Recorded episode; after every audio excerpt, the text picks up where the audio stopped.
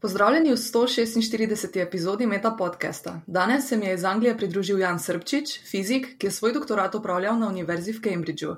Živijo, Jan, hvala, da si se nam pridružil. Kako se imate kaj v Angliji? Živijo, Nika. Um, uh, ja, hvala za povabilo. Um, super se imamo, tukaj je petek, pa sonce je zunaj. Um, ja, super. Upam, da se imate vi isto super. Ok, se pravi, najprej se nam prosim predstavi, kdo si in kaj raziskuješ. Uh, ok, um, živijo, jaz sem Jan Srbčič, fizik. Trenutno delam v firmi, ki se imenuje Cambridge Consultants v, uh, v Cambridgeu v Angliji. In um, uh, v tej firmi delam kot, kot splošni fizik. Se pravi, firma se nekako ukvarja z razvojem produktov. In z tehnološkim svet, svetovanjem. In, um, ja, jaz delam kot splošni fizik, se pravi, tako malo malo vsega. Delam v medical technology eh, delu firme, um, ki, ki se um, ukvarja z razvojem produktov, namenjenih uh, za medicino. Se pravi, um, primer tega je inhalator, uh, primer tega je injekcija, ki si, uh, ki si jo samo bodeš, da uh, dostaviš inzulin. Naprimer. Primer, um, ki je bil aktualen dve leti nazaj, je ventilator za britansko vlado za bolnike s koronavirusom. Tako da, ja, jaz delam kot fizik, splošnem pomenu besede. Ja, delam večinoma na bolj zgodnih delih projektov, ki gledajo predvsem na to, ali bo neka ideja delovala z fizikalnega vidika. Se pravi, če upoštevamo fizikalne zakone, um, ali je ideja izvedljiva ali ne to zdaj delam dve leti, predtem sem pa delal doktorat, uh, um, ukvarjal sem se s superprevodniki uh, in sicer delal in testiral sem superprevodne magnete. In sponzoriran sem bil strani Siemensa in sicer oddelka za električna letala. In kar, kar so želeli preveriti, je, če vzamemo te močne superprevodne magnete in jih damo v električne motorje na mesto šipkejših navadnih magnetov, magnetov, kot jih imamo na, na hladilniku. Če lahko dovolj povečamo speci, specifično moč teh motorjev, da postanejo možnost pogona za električna letala, ki v roku 20 ali pa 30 let jih lahko potem pošljemo čez Atlantik. Se pravi, Siemens je želel preveriti, če uh, transoceanska letala lahko dizajniramo s pomočjo teh močnejših superprevodnih magnetov, ki bi dovolj povečali specifično moč električnih motorjev, da bi bilo to kar naenkrat možno. Predtem sem pa uh, delal, um, študiral sem na univerzi v Ljubljani, prvo stopnjo in drugo stopnjo magisterija kot magister fizike. K tvojemu sedanjemu delu se bova še vrnila, pa se najprej posvetiva magisteriju in na to doktoratu. Si že od nekdaj vedel, da te fizika zanima? Si imel kakšna druga zanimanja, recimo kakšna umetnost? Nisem že od vedno vedel, da me fizika zanima. Vedel sem, da uh, me zanima znanost in um, fizika je bila pač ena od stvari, v katerih sem bil dober v gimnaziji. In potem na podlagi tega mi je postala fizika bolj in bolj všeč. Všeč so mi bili tudi profesori fizike, in zato sem se potem odločil iti na FMF, fakulteto um, matematike in fizike. Predtem sem tudi malo, malo bolj eksperimentiral, razmišljal sem o um, AGRVT-ju, ki, če se mi prav zdi, je to, kar si spraševala. Ja, um, moj dedek, na primer, je bil slikar, moj oče je arhitekt. Se mi zdi, da sem vedno iskal en outlet za um, vem, umetniški del. Trenutno sem se začel ukvarjati z risanjem. Ne gre mi zelo dobro, ampak uživam v procesu in mogoče je to ta outlet, ki sem ga iskal. kaj pa najraje rišeš, kaj, kaj so tvoji najljubši motivi? In tehnike? Začel sem, um, se pravi, kupil sem knjigo, ki začne zelo osnovno z risanjem kock in uh, risanjem kock, ki jim odrežemo rob, naprimer, ali pa um, odrežemo kot, in kakšna so pravila, ki moraš slediti, da lahko pravilno to narišeš. Ko sem začel, mi je bilo presenetljivo, kako je težko nekaj tasga narisati, ko ne poznaš pravil, in potem, koliko je lahko isto stvar narisati, potem, ko poznaš samo peščico pravil. Se pravi, si obral, si obral znanstveni pristop tudi pri umetniških umetnikih? Ja, lahko bi, lahko bi temu tako rekla. Ja. ja, potem pa nadgradi na bolj kompleksne oblike, ampak to nisem še tam, tako da ne znam povedati, kako gre to. Potem, ko si magistriral na fakulteti za matematiko in fiziko, kako si prišel do doktorata v Cambridgeu, ki je znana kot ena najboljših univerz na svetu. Je bila selekcija velika, nam lahko mogoče na kratko objasniš, kako se je to zgodilo? Selekcija je bila najmanjša možna. Ko sem se prijavil, sem bil edini kandidat in prijavil sem se en dan pred rokom. In če so bile moje ocene dovolj dobre, sem bil sprejet. Se pravi, um, jaz sem poslal mojemu, mojemu uh, bodočemu mentorju e-mail.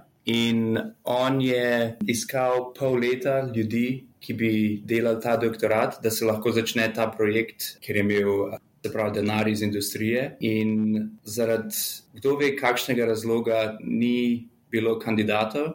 In potem sem se jaz prijavil in Ja, en intervju sem imel z njim, pol ure sem mu razložil, kaj sem delal za magistrsko nalogo. Ja, potem naslednji dan mi je rekel, da je, je, je super in da želi, da se prijavim na, na doktorat. In potem je bila ta formalnost uh, par mesecev, in potem sem dobil formalno potrdilo, da, da sem sprejet. Ampak ja, um, imel sem, moram reči, zelo srečo, da sem se prijavil v pravem času um, in sem bil na pravem mestu. In to, to sem potem vzel kot um, neko lekcijo za, za bodočnost. Če, če se ne prijaviš, ne moreš vedeti, kaj bo. In zato prijavi se in kar bo, bo. Nikoli ne veš, mogoče boš imel ali pa imela srečo, kot sem, sem jo imel jaz. To je super filozofija. Mm. mm. Bi znal mogoče potegniti kako sporednico s študijem v Angliji in v Sloveniji, oziroma kakšne so podobnosti, kakšne so bolj očitne razlike? Jaz moram reči, da ko sem prišel v Cambridge, Kar se tiče profesorjev in kvalitete učenja, nisem videl nobene razlike. Ko sem končal doktorat, me je moj uh, izpraševalec vprašal, kje sem delal prvo stopnjo, pa drugo stopnjo. In sem mu lahko z, z, z, z velikim ponosom rekel, da sem delal na Univerzi v Ljubljani, fakultete za matematiko in fiziko.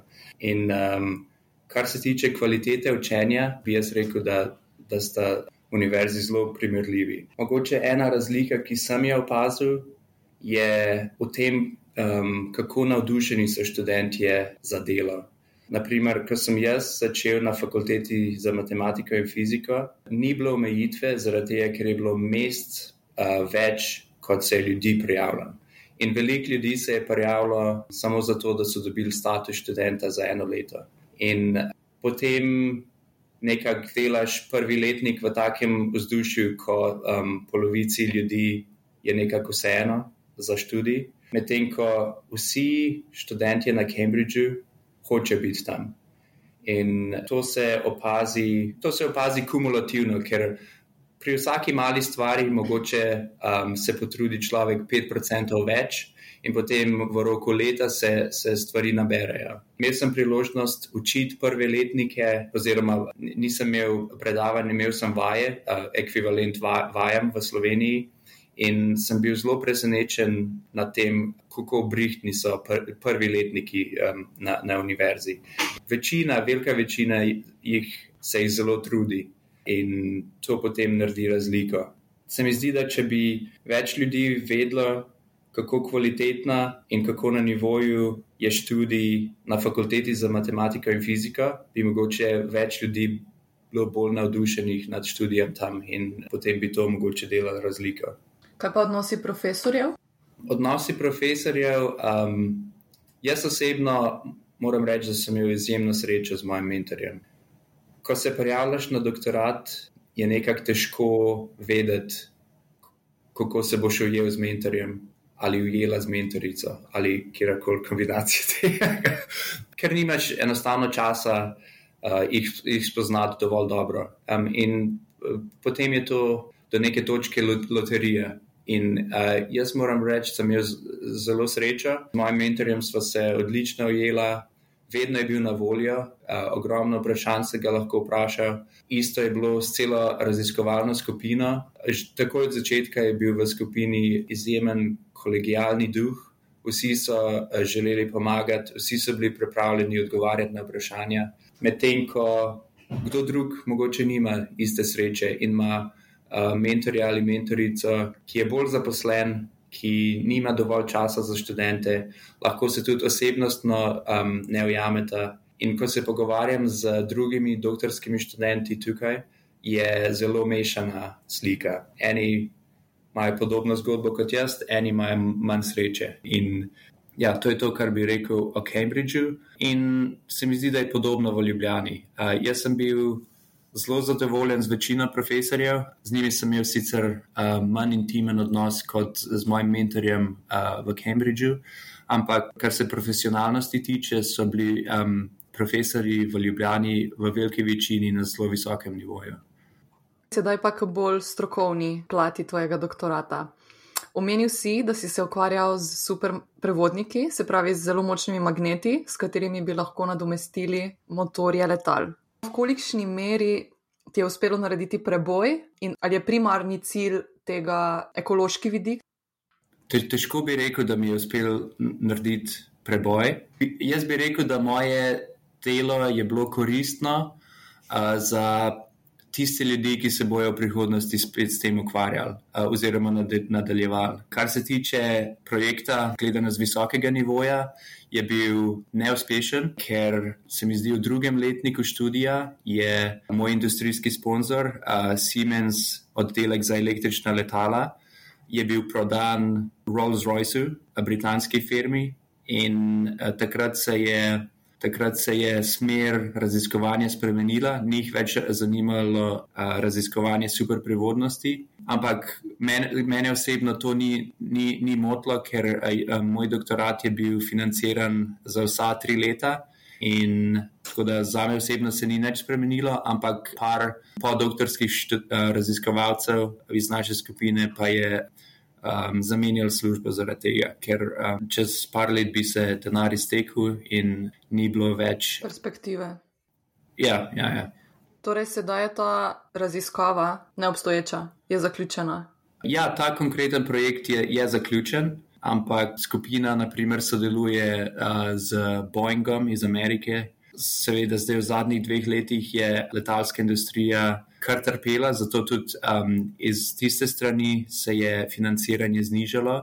Ampak uh, superprevodniki so, kot se bomo kasneje pogovarjali, koristni še za mnoge druge torej, aplikacije. Drugi del vprašanja, uh, vprašala si, če je cilj okoljstveni. Ja, ja, ja imaš popolnoma prav.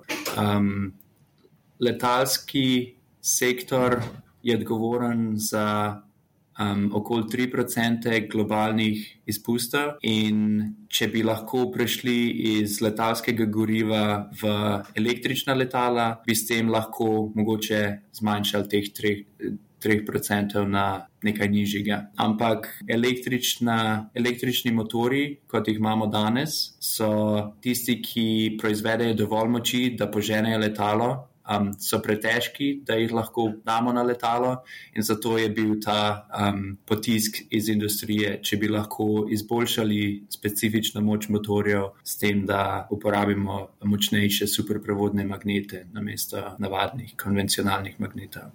Zakaj pa so še uporabni, kot si prej omenil, ti supermagneti? Se pravi, superprevodniki so uporabni, ker če jih ohladimo na dovolj nizko temperaturo, se pravi, v, mojem specifičnem primeru je to 92 Kelvinov, to je minus 180 stopinj Celzija.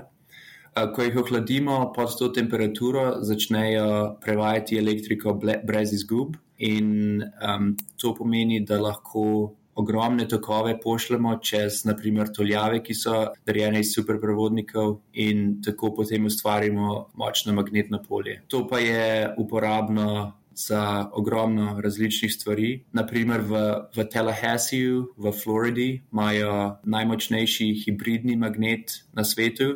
Uh, hibridni to pomeni, da je en del iz bakra, torej navadnih prevodnikov, drug del je pa iz superprevodnikov in ta proizvede 45 Tesla magnetnega polja. Um, in to je dovolj, da lahko naprimer, v njem lebdi žaba. Če, mogoče, če si videla slike, kako žaba lebdi v, v zraku, to, uh, to meritev so, se mi zdi, dela v Floridi. Definitivno pa v močnem magnetnem polju. Zelo specifično, kar se tiče moje strokovne poti naprej, so visoka magnetna polja uporabna za fuzijske reaktorje. Se pravi, v fuzijskih reaktorjih imamo plazmo in ta plazma je sestavljena iz nabitih delcev. In nekako moramo to plazmo omejiti na prostor znotraj reaktorja, in zato uporabljamo um, močna magnetna polja, ki, jih, ki te nabite delce nekako rožijo v obliki ameriškega krofa. Ja, no, to, to, je, to je samo en primer, kjer so nujna visoka magnetna polja in prek tega so nujni superprevodniki. Znanje, ki si ga pridobil tekom doktorata, kako ga uporabljaš v praksi sedaj in v prihodnje? Uh mhm. -huh. Trenutno delam kot um, nekako kot splošni fizik, se pravi, ne uporabljam zelo specifičnega znanja, ki sem ga pridobil uh, tekom doktorata uporabljam pa izkušnje samostojnega raziskovanja, bolj splošno, ki sem jih dobil tekom doktorata. Kar je v bistvu najbolj pomemben del doktorata, bi jaz rekla, bolj kot to specifično znanje. Ja, ja um, kar se tiče osebnostne rasti, bi se definitivno strinjal. Ogromen delež ljudi, ki delajo doktorat, na koncu delajo nekaj nepovezanega direktno z doktoratom, ampak to je to je v redu, ker izkušnje samostojnega raziskovanja so prenosljive. In ja, se strinjam, da če bi gledal nazaj, je to mogoče največ, kar sem vzel ja, iz doktorata.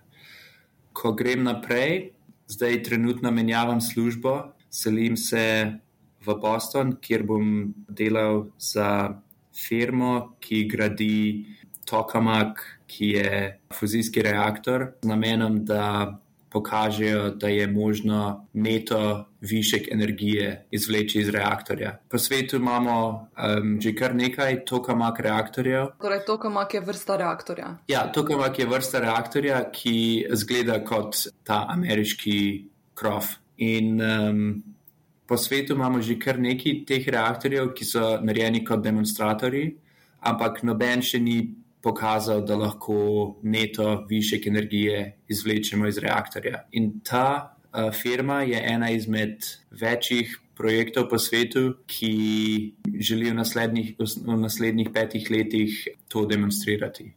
In potem deset let, pet do deset let zatem, želi preiti v komercialni reaktor. In tam v tej firmi bom pa zelo direktno lahko uporabljal izkušnje iz doktorata, ker služba bo povezana z modeliranjem magnetnih pol, ki jih lahko generiramo s pomočjo superprevodnih tuljav. Kje meniš, da so največji izzivi pri komercializaciji tega reaktorja? Do zdaj uh, je bil ogromen izziv to, da materijali niso bili na dovolj visokem nivoju. Se pravi, superprevodniki in bolj natančno um, visokotemperaturni superprevodniki, to, to so ti najmodernejši materijali, ki se uporabljajo za takšne tuljave, uh, so bili odkriti 40 let nazaj, uh, 30-40 let nazaj. In um, ko so bili odkriti, je bilo mnenje o njih, da so zanimivi, ampak neuporabni, zaradi tega, ker so dokaj krhki. Ampak Kakšni pa so to materiali, recimo, kakšen primer? Mhm. -huh. Če lahko po angliško povem, um, yttrium, barium, copper oxide, okay. se pravi yttrijev, barijev, bakrov oksid, zgleda tako kot črna keramika in dejansko je keramika. In če, če pod prevelikim pritiskom, se bo raztrešila tako kot keramika. Se pravi, ko so bili ti materijali odkriti, je bilo mnenje, da so zanimivi, ampak neuporabni zaradi krhkosti. In um, v zadnjih parih desetletjih je manufaktura teh materijalov šla čez par revolucij, in zdaj se te materijali lahko um, fabricirajo v žice, naprimer, ali pa tape, Trak. se pravi, tr trakove. Ja. Kar delajo ljudje, je, da imajo trak iz bakra in potem na ta bakren trak nanesejo zelo tanek sloj tega superprevodnika. In to da superprevodniku do, dovoljšno mehanično stabilnost, da ga lahko zavijemo v, v tuljave. In ta manufaktura teh trakov in žic je mogla postati dovolj razvita, da lahko industrija kupuje te žice in, in ve, da, da so dovoljšne kakovosti, da lahko naredijo magnet po specifikacijah. In večino tega razvoja je tudi prišlo kot uh, vleka iz aplikativnega dela industrije. Naprimer, firme, ki razvijajo te tokamak reaktorje, so pritiskale na um, proizvajalce trakov, da rabijo boljše in boljše trakove. In vem, da ta firma, konkretno, pri kateri bom delal, je v nekem trenutku imela dober delež svetovnega proizvoda. Um, teh trakov v svoje lasti, zaradi tega, ker v teh tuljavah je potrebno na stotine kilometrov teh superprevodnih žic, in zato cel ta proizvodni trak mora biti dobro vzpostavljen, da lahko delamo praktične stvari s temi superprevodniki. Se pravi, če jaz prav razumem, da danes že obstaja keramika v obliki selotejpa. Uh, ja, na nek način. Ja. Zanimivo. We've seen it all. kaj najbolj pogrešaš iz Slovenije in kaj boš ob selitvi najbolj pogrešal iz Anglije? Uh mhm. -huh. Iz Slovenije, poleg prijateljev in družine, najbolj pogrešam naravo, ker je. Um, jaz, jaz sem živel v Ljubljani in ena ura stran je morje, ena ura stran so gore, in um, povsod v Sloveniji so hribi za, za sprehode. Uh, zdaj živim v Cambridgeu, ki je najravnejši del Anglije, in nikjer ni gora, pa kjerkoli smer pogledaš. Tako da, ja, definitivno pogrešam videti Alpe iz svoje, iz svoje sobe kaj bom najbolj pogrešal, ko grem iz Anglije. Anglija je super, kar se tiče povezanosti z Evropo, pa um, tudi z drugim svetom. London ima odlične povezave s celim svetom, um, kar se tiče letal. Iz Bostona, kamor grem, bo verjetno. No, bo, bo težje priti nazaj domov, zato je to ena stvar, ki jo bom pogrešal. Pa potem Anglija ima kar urejene socialne razmere, naprimer za ston zdravstvo, je stvar, ki jo bom pogrešal. Kljub temu, da v petih letih, ki sem bil tu na srečo, nisem šel enkrat zdravniku, ampak um, to, da veš, da lahko greš in da ne bo treba plačati 10.000 funtov za, za obisk, je super stvar.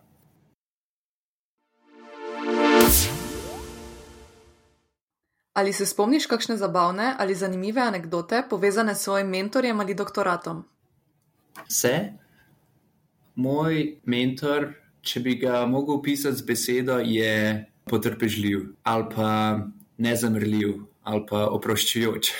to so tri zelo pomembne lastnosti. Ja, ja, ja. Um, se zelo strinjam. Ja. Naprimer, ko sem se prijavljal na doktorat, sem mu poslal e-mail in v prvi vrstici e-maila, dragi gospod, bla, bla, bla, sem na robe napisal in njegov naziv na mesto profesor sem mu napisal gospod in na robe sem napisal njegov priimek. In če bi bil kdo drug, ne bi odgovoril na tak e-mail, ampak ja. na srečo je moj mentor takšen, kot je.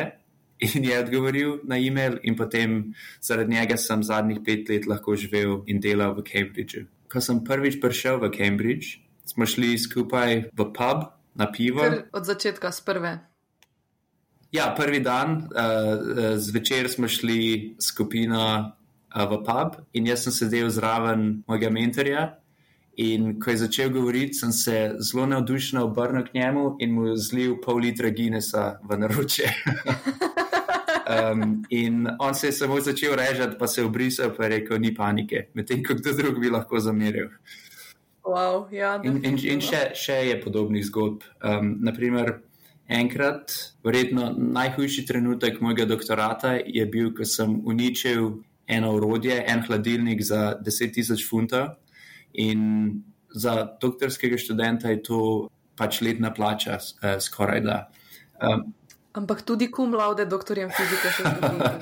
uh, je, je res, ja. Ampak je um, odvisno tudi od mentorja, ker če bi on bil bolj zamrljiv, bi, lahko, bi lahko bil bolj jezen, kot je bil. Ampak je rekel, da te stvari se dogajajo, meni je bolj, da uporabljaš stvari, pa da delaš uh, eksperimente, kot pa da, uh, da bi ta stvar bila, a veš, samo v kotu in bi prah nabirala. In je bil zelo pod, podporen, kadarkoli sem kaj uničil, je rekel: Le, stvari se uničijo. Um, jaz sem tudi ogromno stvari uničil v svoji karieri, tako da ne se sekirati. Kako so se od vpisa do danes spremenila tvoja pričakovanja glede karierne poti in ali bi se ponovno odločil za doktorski študij? Jaz bi se definitivno še enkrat odločil za doktorski študij, ker pred študijem nekako nisem vedel, kaj bi. Ko sem, ko sem končal z magisterijem, nisem imel dobre ideje, kakšne službe obstajajo po svetu. Um, plus večina ljudi, ki sem jih imel za mentorje, torej profesorjev na, na, na fiziki je, je očitno imelo doktorat. In um, zaradi tega bi še enkrat šel delati doktorat, plus izkušnje, ki sem jih pridobil, uh, kot sem že rekel, kot samostojen raziskovalec, ki lahko vzame problem in pride do, do neke rešitve na uh, znanstven način. Tega se mi zdi, nisem imel pred doktoratom. In možnost, da tri leta ali pa štiri leta delaš na enem projektu in se poglobiš veliko bolj kot do, do tedaj ali pa kdaj kasneje v nek problem, se mi zdi izjemno, izjemno vredna. In um, um, vsem ljudem, ki, ki bi jim tako raziskovanje bilo všeč, bi priporočal, da grejo delati doktorat. Kar se tiče akademije, jaz očitno nisem nadaljeval poti proti profesorstvu. Del po doktoratu se mi zdi, da postane težji in težji. In človek mora res vedeti, da si želi biti profesor, da potem to postane vredno. Tako mali peščici ljudi uspe po letih in letih poskušanja dobiti neko stalno pozicijo. Naprimer, v moji raziskovalni skupini je imel moj mentor stalno pozicijo in, in glavni tehnik je imel stalno pozicijo, vsi ostali so bili na, na pogodbah. In moraš vedeti, da, da je to res to, kar hočeš, um, da, ti je, da ti je potem vredno ostati v akademiji. Ja, se mi zdi, da to je pa globalno in univerzalno, da v akademiji je kopico enih težav s neko stabilnostjo, varnostjo in posledično tudi mnogimi žrtvami, ki jih je potrebno sprejeti in pretehtati. Mm. Kaj boš počel čez pet in kaj čez 40 let? Hmm. čez pet let upam, da bom končal z izgradnjo fuzijskega reaktorja in da bomo pokazali, da je, da je to možna opcija proizvajanja čiste energije in da bo potem tekom naslednjih pet let to začelo biti komercialno um, možno in da bojo države začele podpirati to možnost čez 40 let, ne vem, upam, da, upam, da bom v penziji, da, da ne bo. Da, ne bo... da se ne bo delo na terenu. ja, ja. ja. to sem hotel reči, hvala. Ja.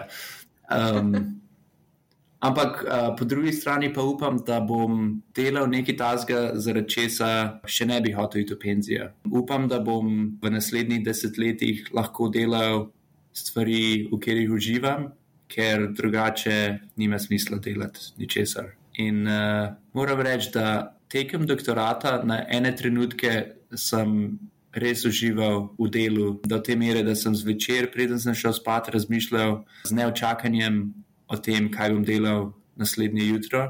In naslednje jutro sem se zbudil in takoj hotel iti v službo, ker sem užival v delu. In upam, da bom lahko v naslednjih desetletjih našel nekaj tasga, kar bi bilo podobno užitku, ki sem ga imel ob delu skozi doktorat.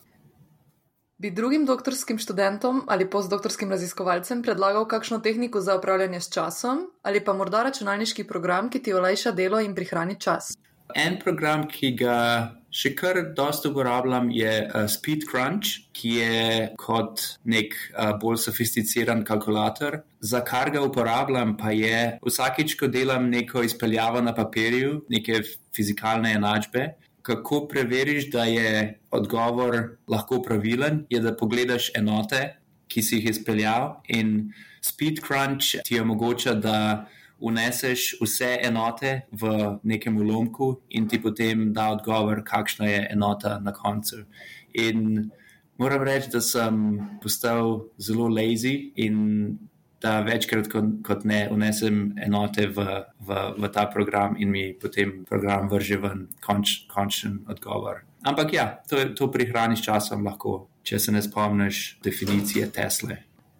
Priporočilo za knjigo, igro, film, spletno stran in podcast. Uh mhm. -huh. Knjiga, ki jo zdaj berem in se ob njej učim risati, je 3D Sketching for Absolute Beginners. Avtor je Lasse Mogensen, to je moj menedžer tukaj v, zdaj, v zdajšnji službi in knjiga je šla par tednov nazaj. Wow, res, čem pa se on ukvarja? On je po izobrazbi je strojnik, ampak že 20 let je, je delal v tehnološkem svetovanju in skozi teh 20 let je lahko izpopolnil način, kako predstaviti zapletene stvari na enostaven način strankam, ki mogoče niso strokovnjaki v, v tem, o čemer um, teče pogovor. In kot del tega, kot orodje, je razvil 3D risanje, s katerim lahko na enostaven način predstaviš kakšno idejo. In eh, v knjigi govori o tehnikah in o peščici pravil, ki jih je treba upoštevati, da potem eh, končna slika izgleda zelo solidno. Um, tudi za nekoga, ki je popoln začetnik, kot sem jaz. Se pravi, igra. um, a musical šteje kot igra? Ja. Okay. Um, na zadnje sem gledal uh, West Side Story od Stevena Spielberga, ki je, se pravi, to je remake uh, originala. In moram reči, da mi je bila zelo všeč. Pesmi so odlične, tako tedne ti ostanejo v glavi. Igranje je odlično, Ariana De Boze je dobila Oscarja za svojo vlogo in moram reči, zelo zasluženo, ker tako kot um, ona poje in tako kot ona igra, res je dala svoje vlogi uh, življenje. In ja, tudi vse druge vloge so, so bile odlično predstavljene. Ja, to bi priporočal. Konec junija je v Ljubljani musical v Križankah, si lahko pogledate. Film. Tu imam občutek, da ne boš imel težav, oziroma boš imel težavo izbrati samo enega. Mm. Mogoče film, ki je um, manj znan splošni publiki, je My Dinner with Andre, moja večerja z Andrejem. In cel film je o pogovoru dveh starih prijateljev, nekako govorita o pomembnejših stvarih v življenju, kot je čas, umrljivost, ljubezen in tako naprej. In um, če bi mogel opisati ta film, bi rekel, da je drugačen od večine drugih filmov, ki sem jih videl. Um, zelo, zelo originalen se mi zdi in pogovor je tudi zelo zanimiv. Ja, če imate uro pa pol, bi priporočal ta film. Spletna stran bi rekel sporkle.com, ki ima kvize povezane z vsem, z, prav, z različnimi vsebinami, ampak meni so všeč geografski kvizi, kjer a, moš klikati na državo na podlagi tega, kje je na svetu, ali pa moš a, povedati vse države v Evropi, ali pa kje ta zge. Če si pod stresom, lahko daš slušalke gor, predvajaš West Side Story, pa tipkaš države. Pa potem boš na koncu tega manj pod stresom. Podcast, meni je zelo všeč, angliški podcast uh, z imenom Desert Island Discs, kjer ljudje, večinoma znani ljudje, pridejo na podcast in jih potem voditeljica vprašuje, kaj, so, kaj je njihovih osem najljubših pesmi, ki bi jih sabo odnesli na zapuščen otok. In veliko krat so pesmi izbrane na podlagi pomembnih dogodkov v življenju, kot je rojstvo otroka. In skozi ta medij se ljudje ponavadi zelo odprejo in vidiš bolj osebno stran ljudi, ki jih mogoče poznaš kot igralce in zelo neosebno. To je en podcast, poleg vašega. okay. To je to, ja. Najlepša hvala za ta super zanimiv pogovor. Moram reči, da je bilo res informativno in ja, pozitivno. Kljub temu, da je zdaj pozno petek zvečer, sem spet napolnjena z energijo. Uh, Tako da hvala. Ja, najlepša hvala, Nika, uh, bilo mi je veselje. Um, se pravičujem za kakšne besede, ki sem jih potegnil iz angleščine, pa niso bile čist slovenske. Um, ampak ja, meni je bilo tudi veselje in so srečo naprej. Poslušali ste Meta podcast, podcast, v katerem se pogovarjamo z mladimi znanstveniki in znanstvenicami iz različnih področji znanosti. Podcast domuje na spletišču metinalista.si, kjer lahko najdete tudi druge poučne vsebine. Naše delo lahko podprete z donacijami Metini listi, pohvale, pripombe in predloge lahko posredujete na e-mail znanost.afnametinalista.si. Dobrodošli so tudi komentarji na Facebook profilu Metine liste in na Twitterju afnametinalista, kjer uporabite hashtag metapodcast. Se slišimo čez 14 dni.